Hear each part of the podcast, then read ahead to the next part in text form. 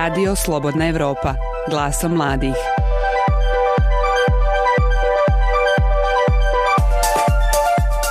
Mediji u svetu su u krizi, a to nije zaobišlo ni Srbiju.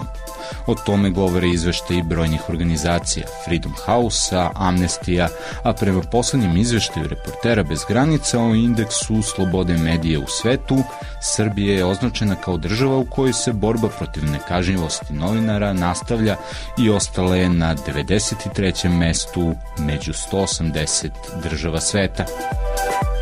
Sve ovo strašno zvuči kada se čita i kada je neko novinar, naročito mlad. Međutim, Moje ime je Nemanja Stevanović, a vi slušate podcast Radija Slobodna Evropa, glasom mladih.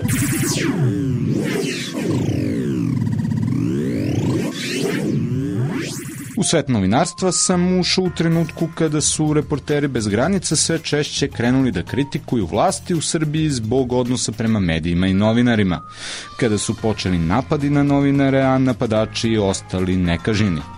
U svet novinarstva sam ušao i kada poznanici koji su uveliko završili novinarstvo nisu ni pomišljali da se bave novinarstvom.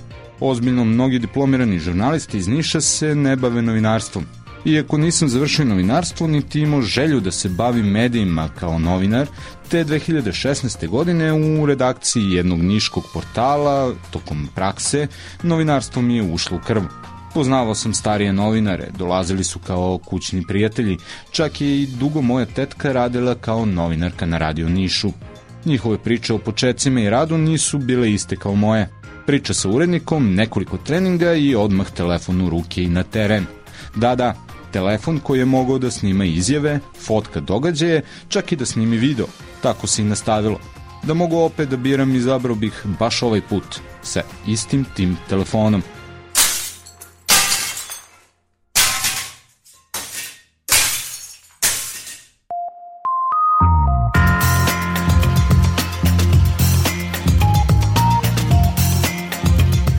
Približava se 3. maj, svetski dan slobode medija. Opet ćemo da pričamo o napadima na novinare, opet ćemo kukati na nezavidan položaj novinara i novinarstva, s pravom razume se, ali i pored svih tih nedaća koje su zadesile ovaj naš poziv, mladih ima, rade, bore se, Tamara, Marija i Sanja su novinarke sa kojima sam hteo da porazgovaram o novinarstvu, o njihovom iskustvu, o tome koliko su mediji okrenuti mladima kao publici, ali i mladima kao novinarima.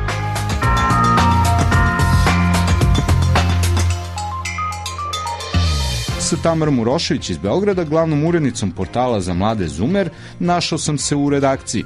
Ni ona, kao ni ja, nije završila novinarstvo, ali je od uvek imala osjećaj da će se baviti ovim poslom. Neformalno obrazovanje, freelancing i realizacija ideje da pokrene sa istomišljenicima portal posvećen mladima na kojima će mladi raditi su njeni početci. Kao mladoj novinarki, kako ti se čini novinarstvo u Srbiji danas? Joj, da, to uvek svi pitaju ja nikad ne šta da kažem, jer sam ja nekako valjda optimistična, valjda zato što sam na početku karijere i onda je meni sad to sve, kako da kažem, imam elana, sve mi je zabavno, sve hoću da istražujem, ničeg se ne plašim, osjećam da imam podršku sa strane i tako dalje i tako dalje, a onda sve starije kolege i kolegine su u zonu, jo bože, šta ćete u novinarstvu? novinarstvo je strašno, novinarstvo je pakao, nema para, nema čega da se živi, srozalo se i tabloidi su ovakvi i onakvi. Tako da, e, objektivno, Novinarstvo je u krizi, rekla bih još od, od 90-ih i to, to sve ono, e, cenzurisanje i tome da imamo provladine medije, da je to e, javna tajna, ali Mislim da mladi rade svoj posao i mislim da ova digitalizacija i društvene mreže i, i, i novi načini i alati komunikacije nam omogućavaju da u novinarstvu uradimo nešto novo.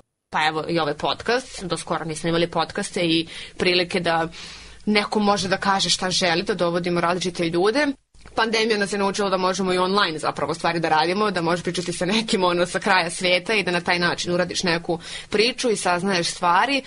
Tako da ne znam šta da kažem.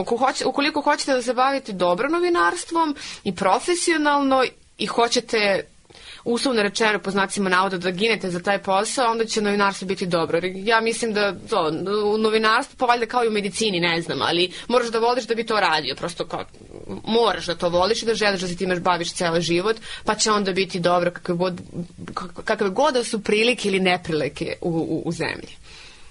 U ovom trenutku ti si uh, glavna urednica portala Zoomer. Uh, on je posvećen mladima. Uh, mnogi mediji rade na tome da ih prati mlada publika. Koliko je zapravo novinarstvo u Srbiji danas okrenuto ka mladima?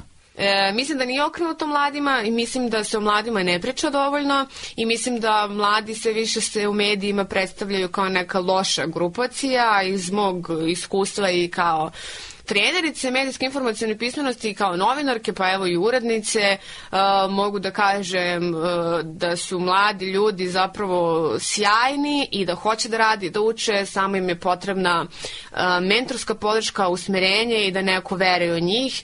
I kad pričamo o toj uredničkoj poziciji, O tome se malo priča u novinarstvu, mislim da je to možda greška starijih kolega i, i koleginica, daću sebi za pravo da to kažem, a, jeste što uredništvo nije da, da se baviš samo uređivanjem i naređivanjem ili kako god, već to znači da te mlade ljude okupljaš i pružaš mentorsku i emotivnu podršku, jer to novinarima treba, jer ćeš se suočavati sa raznim pretnjama, komentarima, nikome to nije prijatno i onda ti zapravo u novinarstvu i uredništvu sa mladim ljudima moraš to da hendluješ i da kažeš, e, tvoj tekst je dobar, šta god da je neko napisao, to je prošlo, to je dobro i to je okej, okay, kao samo se navikne ako ćeš ovim da se baviš, bit će još tih komentara, zaboleće ili neće, ali prosto to je to. Tako da moramo ne kao da slušamo mlade, moramo sluškivati mlade, to je razlika. Ne kao da ih slušamo, nego sluškujemo šta im treba i onda se i dobija ta mlada publika. Hajde da oslušnemo i šta zapravo mladi novinari e, žele, koje ih teme interesuju. Da, uh, mi kad smo počinjali da pravimo Zoomer, pravili smo te nekto, neka kao unutrašnje istraživanje i ko bi šta gledao i čitao i tako dalje. I onda smo okupili redakciju i sad u redakciji ima nekih 20 divnih mladih ljudi i ja sam on, fascinirana zapravo šta se ljudi interesuju i koliko ti ljudi, uvek kažem, ti ljudi nekad znaju mnogo više i bolje od mene i onda ja im kažem, molim vas, naterajte me, ubedite me da ova tema treba da ide jer ja u ovom trenutku kao da živim nekom bablu i ne vidim zašto je to tako. Ovaj, a onda one meni dođu i ispostavi se da zaista oni donesu dobre odluke. Tako da i, i mladi nisu ono homogena grupa, grupacija. Ja u redakciji imamo e, devojčicu bukvalno od 17 godina koja piše političke tekstove zaista političke tekste, ona piše sad o Rio Tintu, jedno ozbiljno istraživanje, piše o tome kakav je položaj migranata i migrantkinja u vreme pandemije. I kao mm, prati non stop insider i Olju Bečka, što ono, dete, šta radiš ti, ide živi, to čak ni ja ne radim, Ovi, stalno, se, stalno se šalim sa njom na tu temu, pa onda imamo i studentkinje psihologije koje se bave temom mentalnog zdravlja. Ja sam najviše orijentisana, e, pošto sam i članica grupe novinarke protiv nasilja prema ženama, najviše vestima koje se tiču rodne ravnopravnosti i, i borbe protiv uh, nasilja prema ženama, a opet i borba protiv dezinformacije, lažnih vesti. Imamo i novinare, novinarke koji se bave pop kulturom, digitalom, igricama, gamingom, aktivizmom, modom i tako dalje, ekologijom i tako dalje. Tako da ni mladi nisu homogeni homogena kategorija. Znači njih sve interesuje. Da li se desio protest? E, ko je dobio e, nagradu na dodeli Oscara? Da li su Tanji Savić vraćena deca? I tako, mislim, to su stvarno, i to, ono, to je ono što jesu mediji. Kako te neko pita šta čitaš ili gaš, ti kažeš hm, samo N1, ne gledam Pink. Ne, gledam i N1, gledam i Pink i čitam i Informer i čitam, nemam pojma ni ja ni danas, jer tako se razvija kritička svest.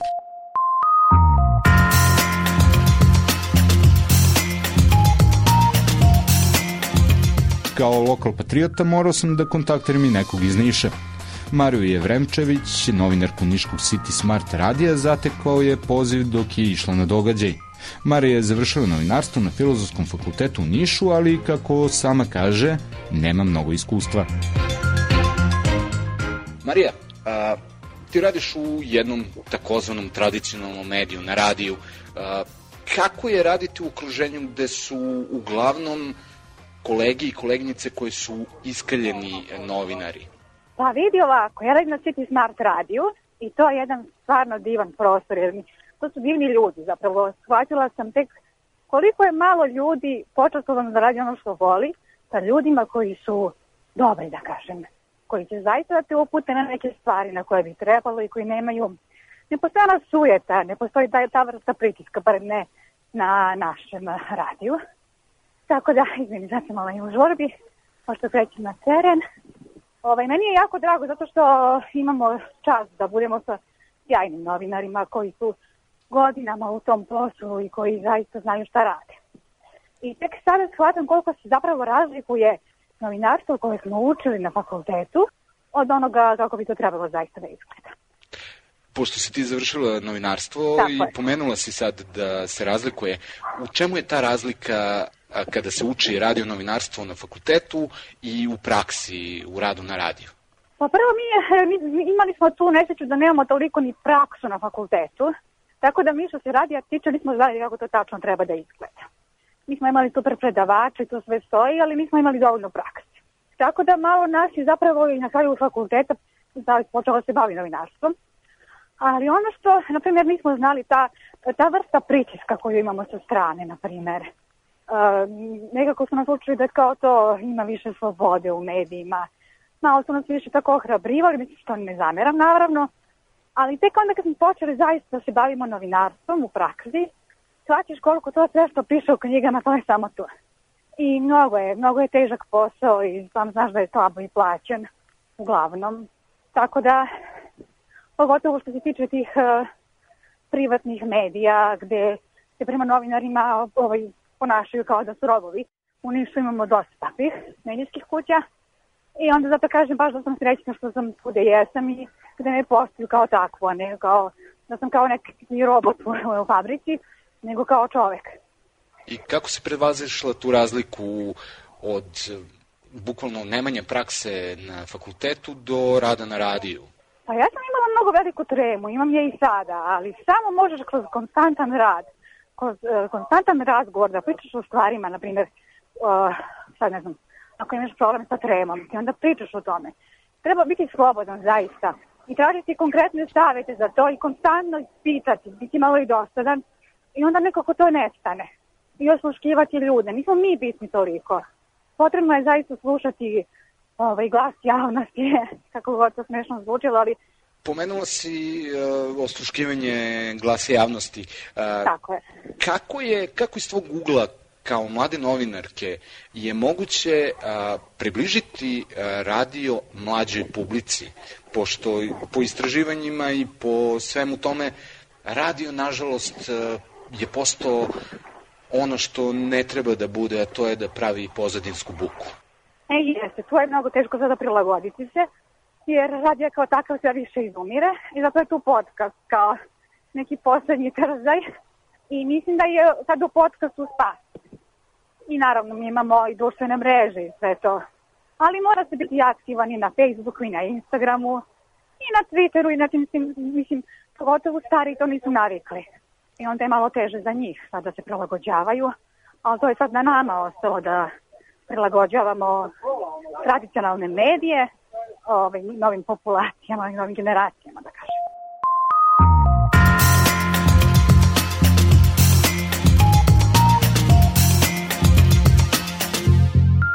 Lepo je Marija pomenula podcaste i dala mi uvod za mladu novinarku iz Novog Sada. Sanja Đorđević je skoro diplomirala novinarstvom na Filozofskom fakultetu u Novom Sadu, a već godinu dana radi kao deo podcast ekipe Nezavisnog društva novinara Vojvodine. Već godinu dana radiš na NDNV podcastima, odnosno na podcastu Reaguj. Uh, trenutno si angažovana i na jednom radiju. Kaži mi, uh, iz ugla mlade novinarke, kakva je razlika uh, raditi na podcastu koji je novija stvar i u odnosu na rad na klasičnom radiju? Pa, pre svega na podcastu, s obzirom da je novija stvar i imam više slobode uh, više prostora za kreativnost na radiju je to malo drugačije jer je radio postoji već godinama i na radiju imamo neke strukture gde, gde ja moram da ispoštujem vreme i gde ne mogu mnogo da ispričam i gde ne postoji prostor za novinarsku inicijativu, dok je rad na podcastu u suštini samo to. Isključivo novinarska inicijativa i pričam i obrađujemo teme koje se zapravo tiču e, svih nas. Na radiju je to malo drugačije u smislu e, prenosimo saopštenja, pošto je to i lokalni radio, prenosimo saopštenja, prenosimo uh, ove pseudo događaje uglavnom i prenosimo servisne informacije i to je u suštini fokus i radio je neki jukebox, tako da ni izbor muzike nije neki. Jako sam razočarana u radiju u suštini. Na fakultetu si obrađivala radio novinarstvo. Šta je sa podcastima? Da li ste se možda u nekom trenutku dotakli podcasta tokom studiranja?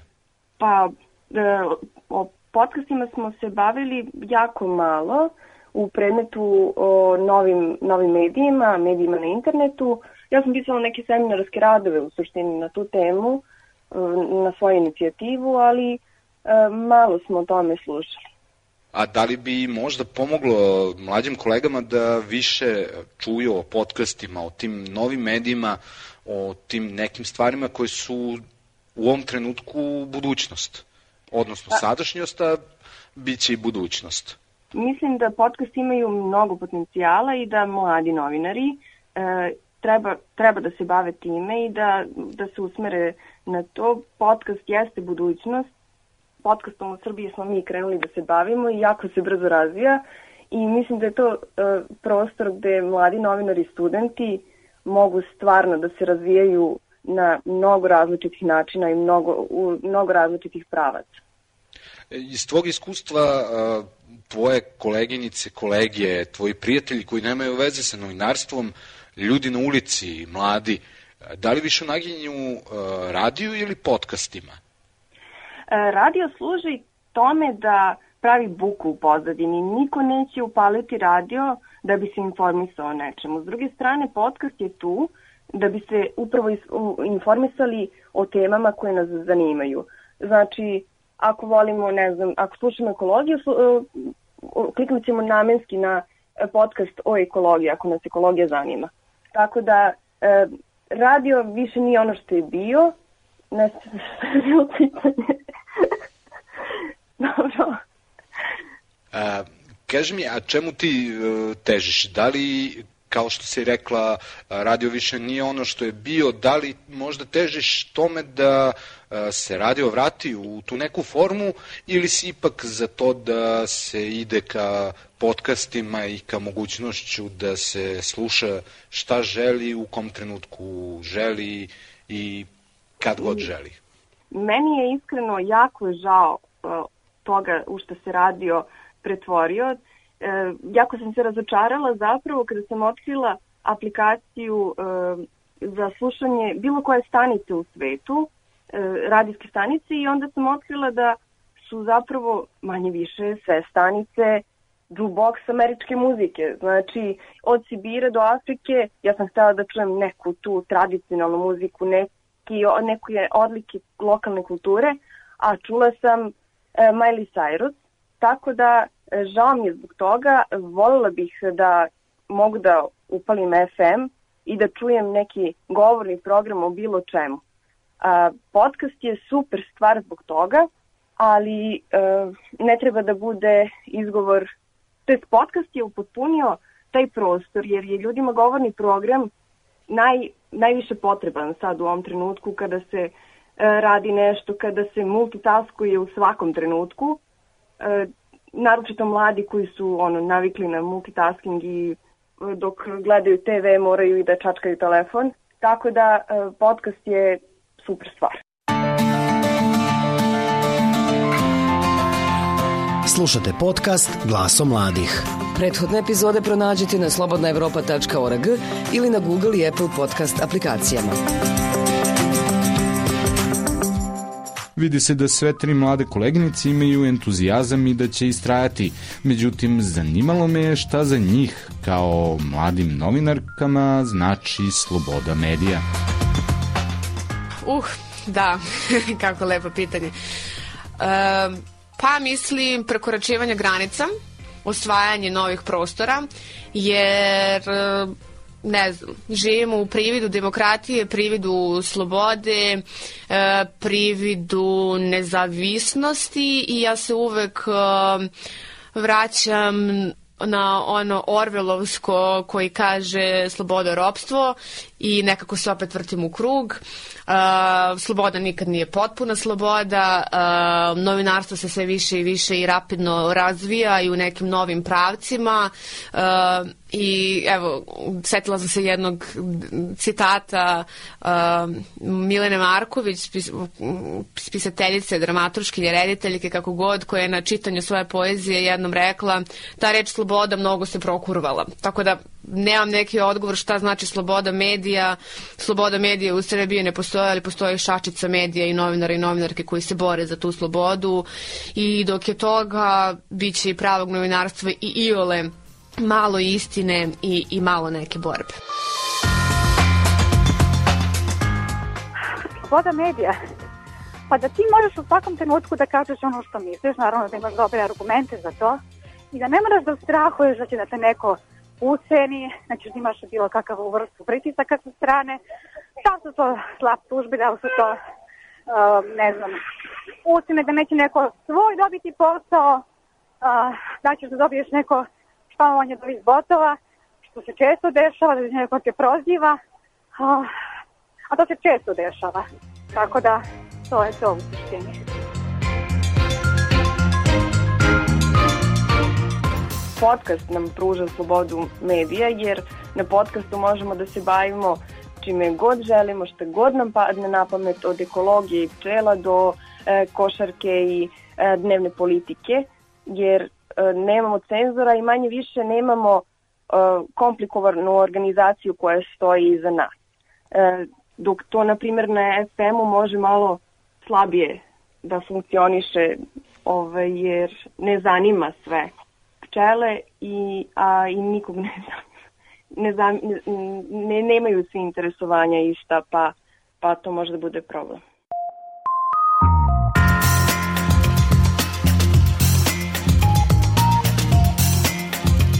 kada smo već čuli šta je za njih sloboda medija, hajde da čujemo gde oni vide mlade novinare i novinarke u borbi za slobodu medija. Sam trenutno na nekoj edukaciji gde stalno e, se poteže pitanje i razdvajanje aktivizma i novinarstva. Slažem se, novinarstvo je jedno, aktivizam je e, drugo, ali mi je jako teško da nekada odvojim te stvari, jer stvarno živimo u, u državi i dobu gde aktivizam je neophodan i gde uh, neki pokreti nešto mogu da, uh, da reše, gde mobilizacija ljudi, da, dolazi putem medija, ali se završava na ulicama ili kroz neku vrstu aktivizma. Uh, tako da nemam do kraja, ja mislim, odgovor na, na to pitanje. Mislim da ga i ja i dalje tražim šta, šta mi možemo da radimo ali uvek premisa i epilog novinarstva koje god pitanja sloboda, nezavisnost ili šta god jeste da novinari i novinarke moraju da rade u interesu javnosti i da budu nezavisni, slobodni i ne pristaju na cenzuru, a pogotovo da ne dođe do autocenzure. To je nešto najgore. Ti onda izgubiš identitet u potpunosti i lično i profesionalno ako dođeš do te situacije da da si u autocenzuri, a, a da ne, ne pričamo ako, ako pristajemo na neko neprofesionalno novinarstvo. Pa ja, ja mislim da može, ali ovaj, mislim da treba da se ujedinimo, da je to negde ključna uh, stvar. Da treba jedni drugi da podržavamo, pa možda eto, kad, je, kad da, li, da li će to zapadne naš radio ili neko drugi u problem, da treba svi da se dignemo, ali zaista a ne samo povremeno, pojedini, da štite jedni drugi i onda da što to tako ovaj, ništa se na kraju ne dešava. E, internet nudi mogućnost slobode medija, koliko toliko, i sloboda medija krije se iza malog broja pregleda. Dokle god mi imamo malu slušanost, male, ma, male rejtinge, e, možemo da pričamo šta hoćemo. Tako da e, podcast nudi mogućnost e, kritike, ali mislim da uh, ne, kao mi kao mladi novinari ne treba da se plašimo ovaj, tih nekih drugih na visokim pozicijama zato što ne živimo više u 90. godinama i e, mislim da treba da ustanemo i da se borimo e, za slobodno izgovorenu reč na kritičan način.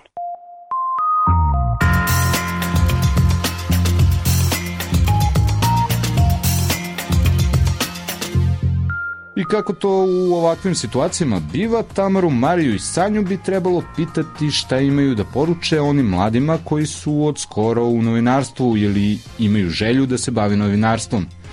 Međutim, ovog puta ja sam to krenuo i pitanje usmerio ka starim koleginicama i kolegama. Šta njih tri imaju da poruče iskusnim kolegama? To je baš dobro pitanje baš mi se sviđa što si, što, što si dao prostora da, da, da možemo o tome da, da pričamo, jer opet je bitna ta dvosmerna komunikacija da stalno ne pričamo šta mi poručujemo mladima, Pa ja bih zaista opet ja, se vraćam na, na ono što je, što je meni jako važno da govorimo o starijim kolegama, koleginicama, a, mladima je potrebna emotivna i mentorska podrška. To ne znači da mladi traže a, psihoterapeute, terapeutkinje i mame i tate i tako dalje. Oni samo a, traže da ih neko razum, da ih neko razume i da se a, gledaju kao ljudska bića koja su željna znanja, ali tako imaju i nešto novo da ponude i neke nove alate i da veruju u te mlade ljude i da imaju strpljenja i da e, Neko je rekao, neki novinar mi je skoro rekao, vi morate u novinarstvu da se pomirite sa tim da uvek postoji sueta.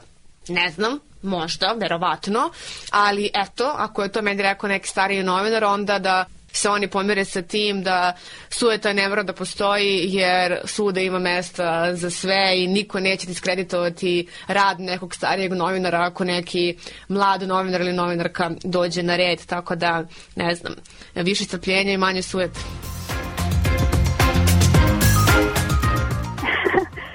pa, poručila bih im da i oni nas malo slušaju i da nas razumeju i da ovo nije isto vreme kao kad su oni počeli da rade.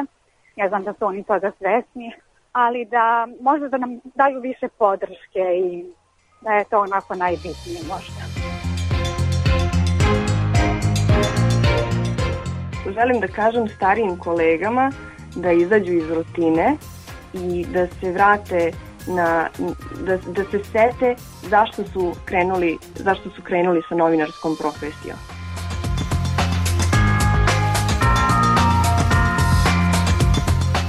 Ovim porukama mladih novinarki iz Beograda, Niša i Novog Sada svojim starim kolegama završavamo ovo izdanje podcasta Glaso mladih. Do sledećeg slušanja vas pozdravljaju Svjetlana Petrović i Nemanja Stevanović. Ukoliko ste propustili prethodne epizode, one su dostupne na našem sajtu i podcast aplikacijama. Ostale naše sadržaje možete pronaći na sajtu slobodnaevropa.org, Facebooku, Twitteru, Instagramu ili YouTubeu.